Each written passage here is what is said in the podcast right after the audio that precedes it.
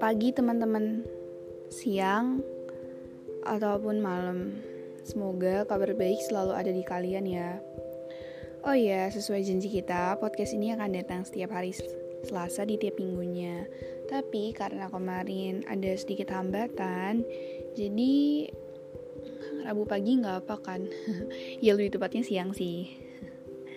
Jadi ya di episode kedua ini kita bakal bahas perihal self healing.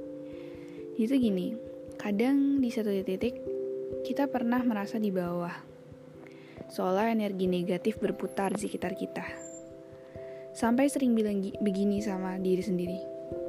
Aku manusia gak berguna, aku tuh cuma apa. Cemas dan overthinking pun juga kerap kali datang. Putus asa, pengen berhenti di tengah jalan benar-benar berkuasa.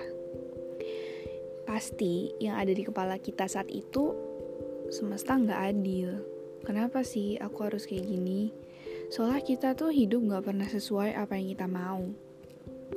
Selalu menuntut kebahagiaan dari orang lain, menyalahkan keadaan. Kenapa?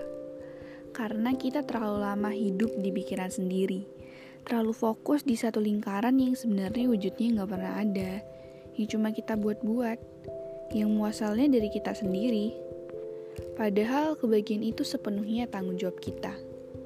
Catat ya, kebahagiaan itu sepenuhnya tanggung jawab kita.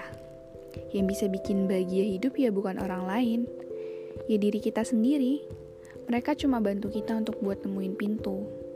Yang membawa kita ke jalan bahagia ya kaki kita sendiri. Jadi jangan pernah merasa sendiri. Karena di balik rasa putus asa itu, pemilik semesta sudah menyisipkan rencana hebat lainnya. Kebahagiaan yang gak pernah kita sangka.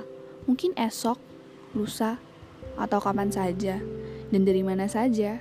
Mata kita tertiba dibuat gak percaya, bahkan lengkung senyum mungkin sulit mewakilkan bagaimana bahagia yang dinantikan itu memeluk kalian.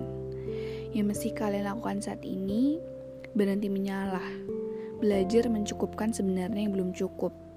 Bersyukur dulu, kemudian lebih, dan selalu.